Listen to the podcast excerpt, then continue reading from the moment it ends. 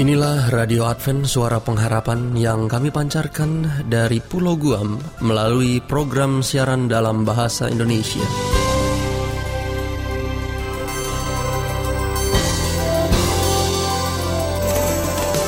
Salam sejahtera kami sampaikan kepada para pendengar kami di mana pun Anda berada. Selamat berjumpa kembali dengan kami, Radio Advent Suara Pengharapan dengan senang hati kami akan menemani Anda melalui rangkaian acara yang telah kami persiapkan khusus bagi Anda sekeluarga. Harapan kami, semoga siaran ini dapat bermanfaat dan menjadi berkat bagi Anda semuanya. Selamat mengikuti dan selamat mendengarkan. Tuhan memberkati.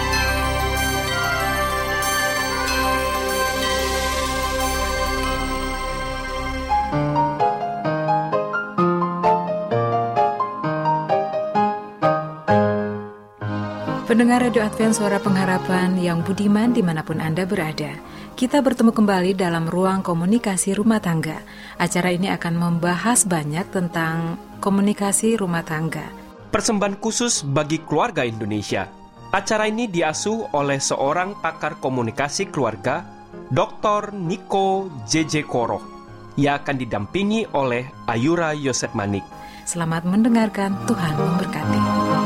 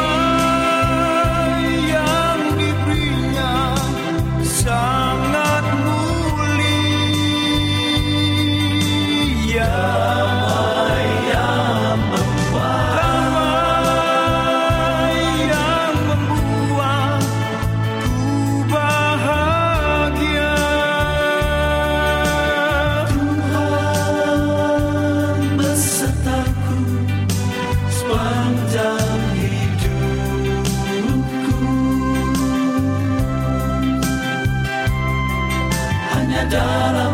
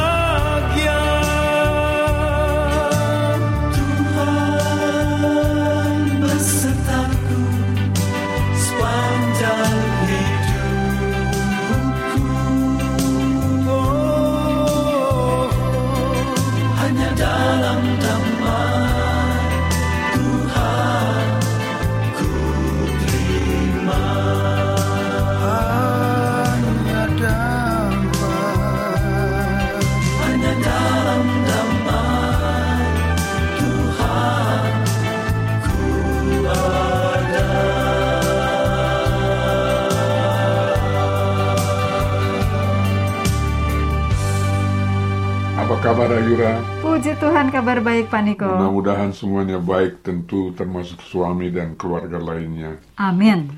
Harapan saya selalu begitu sebab saya yakin alam Maha Pengasih kita selalu melindungi kita sesuai dengan janjinya. Amin. Sebab kita selalu di dalam perlindungannya.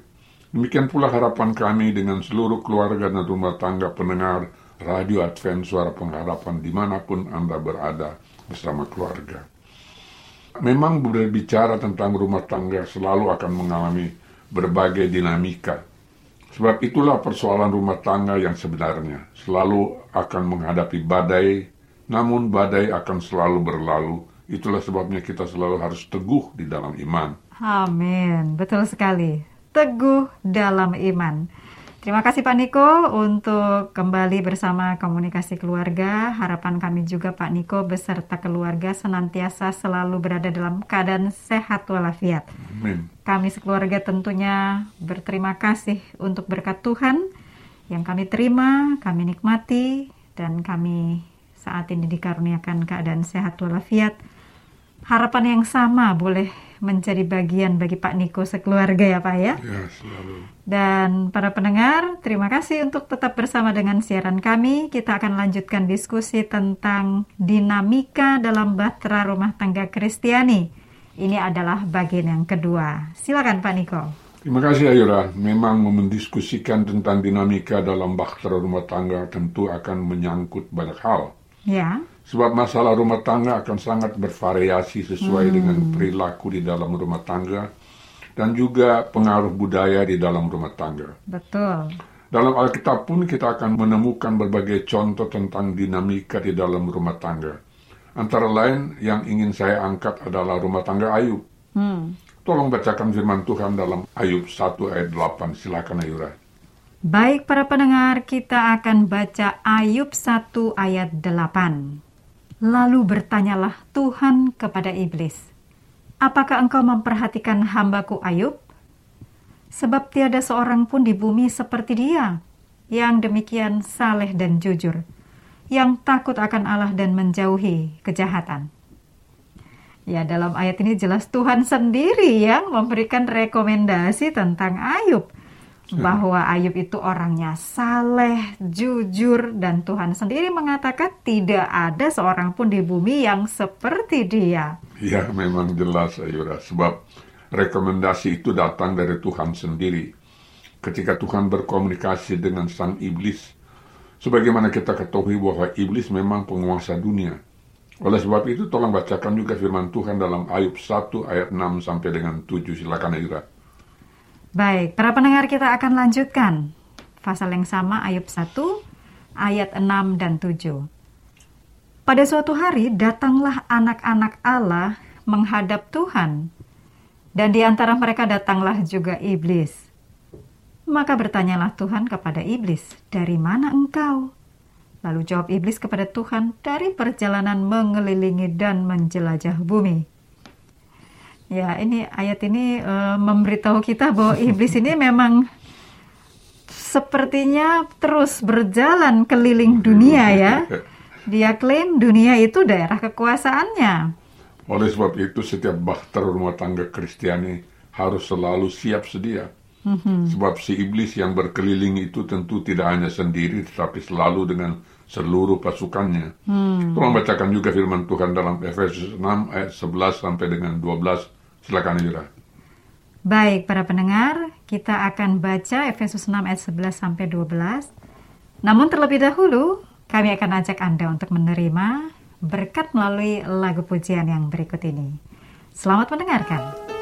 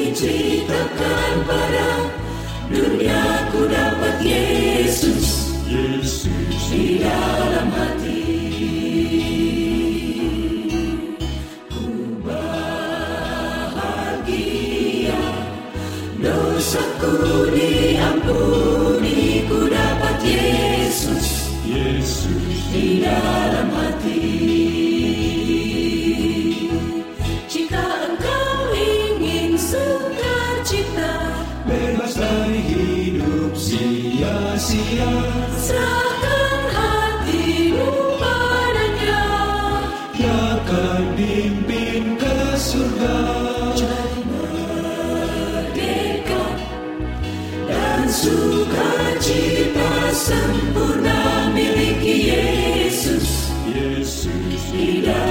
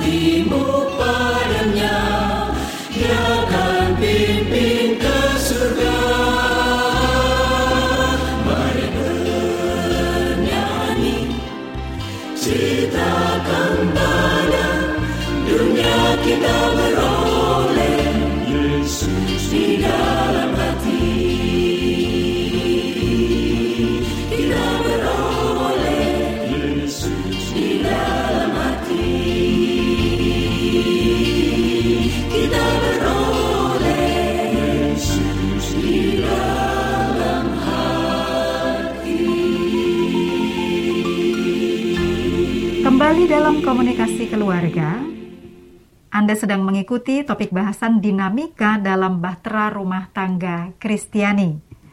Tadi sebelum lagu, kita perbincangkan tentang Ayub ya Pak Niko ya. ya betul. Kemudian Pak Niko mengajak kita untuk eh, membaca Efesus 6 ayat 11 sampai 12. Mari sekarang kita baca bersama. Efesus 6 ayat 11 sampai 12. Kenakanlah seluruh perlengkapan senjata Allah supaya kamu dapat bertahan melawan tipu muslihat iblis. Karena perjuangan kita bukanlah melawan darah dan daging, tetapi melawan pemerintah-pemerintah, melawan penguasa-penguasa, melawan penghulu-penghulu dunia yang gelap ini, melawan roh-roh jahat di udara. Jadi Pak Niko sepertinya rumah tangga jadi sangat rentan ya terhadap berbagai ancaman iblis. Begitu ya Pak Niko? Memang benar seperti apa yang dikatakan dalam Mazmur 127 ayat 1. Nyanyian ziarah Salomo. Jikalau bukan Tuhan yang membangun rumah, sia-sialah usaha orang yang membangunnya. Jikalau bukan Tuhan yang mengawal kota, sia-sialah pengawal berjaga-jaga. Menarik juga untuk membaca uh, komentar Alkitab tentang ayat ini dari Matthew Henry. Tolong bacakan komentar Alkitab tersebut yang sudah diterjemahkan secara bebas. Silakan Ira. Baik, saat ini para pendengar, saya akan bantu Pak Niko membacakan komentar Alkitab yang ditulis oleh Matthew Henry. Untuk membesarkan sebuah keluarga, kecuali Tuhan yang membangun rumah dengan pemeliharaan dan berkatnya, mereka yang bekerja akan sia-sia meskipun sangat cerdik yang membangunnya. Kita mungkin memahaminya tentang rumah secara fisik. Kecuali Tuhan memberkati bangunan itu, maka tidak ada gunanya bagi manusia untuk membangunnya. Sama seperti para pembangun menara Babel yang berusaha menentang surga. Sama sebagaimana yang membangun kota Yeriko di bawah kutukan. Jika model dan desain diletakkan dalam kesombongan, dan atau jika fondasi diletakkan dalam penindasan dan ketidakadilan, seperti yang ditulis dalam Habakuk 2 ayat 11 dan 12. Allah pasti tidak membangun di sana. Tidak, jika Tuhan tidak diakui, kita tidak punya alasan untuk mengharapkan berkatnya. Dan tanpa berkat Tuhan, semua tidak ada artinya. Atau lebih tepatnya harus dipahami bahwa membuat keluarga besar itu berarti laki-laki bekerja untuk melakukan ini dengan pertandingan yang menguntungkan, kantor, pekerjaan, pembelian. Tetapi semuanya sia-sia, kecuali Tuhan membangun keluarga dan mengangkat orang miskin dari debu. Proyek yang terbaik gagal, kecuali Tuhan memahkotainya dengan kesuksesan. Baik, terima kasih uh, Pak Niko sudah mengangkat uh, komentar Alkitab ini yang dengan jelas mengatakan bila bukan Tuhan yang membangun rumah tangga, sia-sia manusia membangunnya. Seperti itu ya Pak ya? Ya, benar sekali Yura. Kalau saya boleh memberikan kesaksian di dalam pengalaman saya, berumah tangga sudah selama 50 tahun lebih ini, saya harus mengatakan apa yang dikatakan dalam Alkitab memang benar sekali. Oleh sebab itu benar sekali apa yang dikatakan Yesus dalam firman Tuhan Yohanes 11 ayat 5. Tolong bacakan lagi ayat dalam firman tersebut. Silakan Ayura. Baik, mari kita baca bersama firman Tuhan dalam Yohanes 15 ayat 5. Ayat yang sangat sering digunakan oleh Pak Niko ya dalam uh, banyak topik bahasan di komunikasi keluarga. Yohanes 15 ayat 5. Akulah pokok anggur dan kamulah ranting-rantingnya. Barang siapa tinggal di dalam aku dan aku di dalam dia, ia berbuah banyak. Sebab di luar aku kamu tidak dapat berbuat apa-apa. Ya, kalau bahasa rumah tangga kita mau mengikuti Yesus memang harus demikian karena kita hanyalah ranting-ranting jadi batang pohonnya haruslah Yesus Kristus. Seperti itu ya Pak ya. Ya. Namun ada pertanyaan ini Pak Niko. Bagaimana agar kita selalu dekat dengan Yesus di dalam dunia yang fana ini, yang penuh dengan berbagai tantangan dan godaan? Ya, barangkali kisah Alkitab dalam Lukas ini cukup menarik ketika Yesus disalibkan. Kemudian terjadilah dialog antara dua penjahat yang disalib dengan Yesus. Hmm. Sebagaimana yang tertulis dalam Lukas 23 ayat 40 sampai 43, tolong bacakan firman tersebut silakan Ayura. Baik, saya akan bacakan firman tersebut. Lukas 23 ayat 40 sampai 43. Tetapi yang seorang menegur dia katanya, Tidakkah engkau takut juga tidak kepada Allah? Sedang engkau menerima hukuman yang sama kita memang selayaknya dihukum, tetap ulangi, sebab kita menerima balasan yang setimpal dengan perbuatan kita. Tetapi orang ini tidak berbuat sesuatu yang salah. Lalu ia berkata, Yesus, ingatlah akan aku apabila engkau datang sebagai raja. Ayat 43, kata Yesus kepadanya, Aku berkata kepadamu, sesungguhnya hari ini juga, engkau akan ada bersama-sama dengan aku di dalam Firdaus. Ya, ini merupakan pernyataan dari salah seorang penjahat yang juga disalibkan bersama dengan Yesus. Yang satu menghujat Yesus, sedang yang satu lagi memuji ya atau mengakui uh, Yesus. Apa yang disampaikan Yesus dalam peristiwa ini jelas memang menyatakan bahwa ia adalah juru selamat kita sebagaimana yang Yesus sudah janjikan kepada penjahat tersebut. Sebab Anda dan saya juga adalah orang berdosa sama dengan penjahat tersebut. Tetapi Yesus sudah janjikan akan bersama dengan dia di dalam Firdaus. janji itu berlaku juga kepada kita bahkan seluruh pendengar Radio Advent Suara Pengharapan di mana pun Anda berada.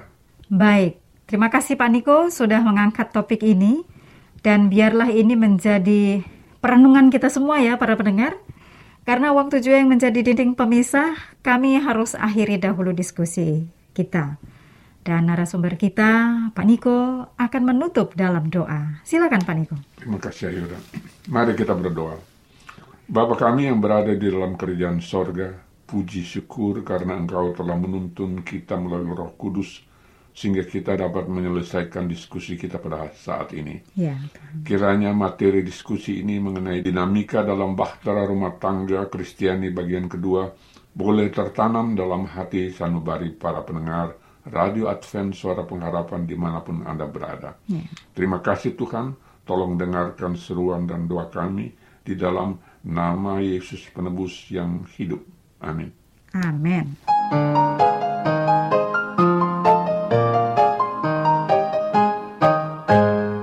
Terima kasih pendengar Radio Advent Suara Pengharapan yang tetap setia bersama kami. Demikianlah ruang komunikasi keluarga yang sudah kami hadirkan untuk Anda. Kami berharap ini dapat menjadi berkat khusus dan sukacita bagi kehidupan Anda dan keluarga. Bila Anda mempunyai pertanyaan mengenai komunikasi keluarga, saat ini Anda dapat langsung menghubungi narasumber kita, Dr. Niko JJ Koro, melalui telepon atau SMS di 0813 1806 5638. Saya ulangi 0813 1806 5638. Sampai bertemu kembali dalam program yang sama minggu depan. Semoga acara ini bermanfaat bagi Anda semua. Sampai jumpa. Tuhan, memberkati. memberkati.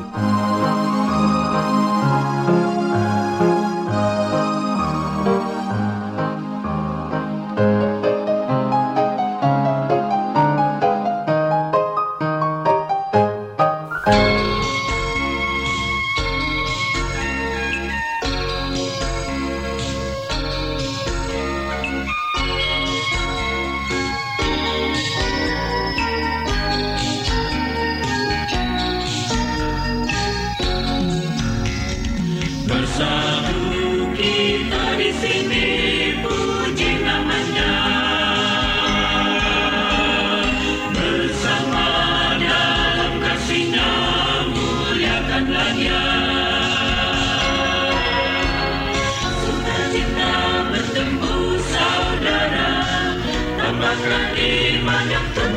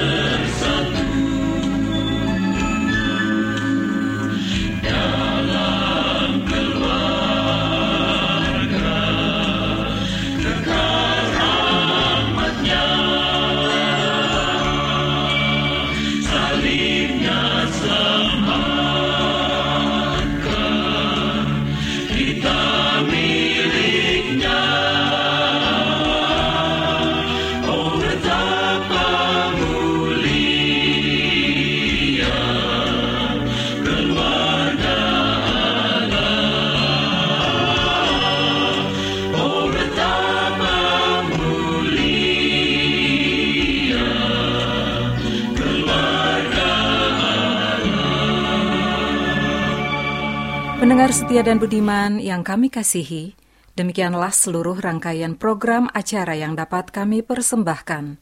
Apabila Anda mempunyai pertanyaan atau Anda ingin mengikuti pelajaran Alkitab suara nubuatan, Anda boleh menghubungi kami dengan mengirimkan surat ke Radio Advent Suara Pengharapan, PO Box 8090 Jakarta 12810 Indonesia atau email ke awrindonesia@yahoo.co.id.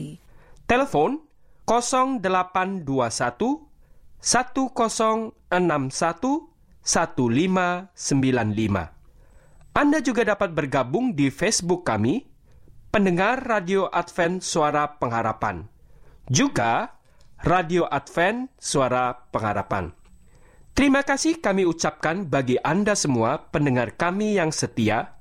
Kita akan bertemu kembali pada waktu dan gelombang yang sama pada esok hari. Salam kasih dan sejahtera. Kiranya Tuhan memberkati kita semua. Jatuh cinta padanya semakin dalam dan semakin dalam lagi.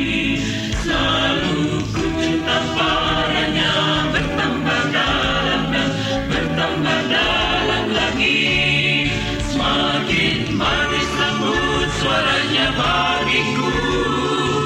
Oh bersama kasihnya padaku Ku selalu cinta padanya Semakin bertambah cintaku kepadanya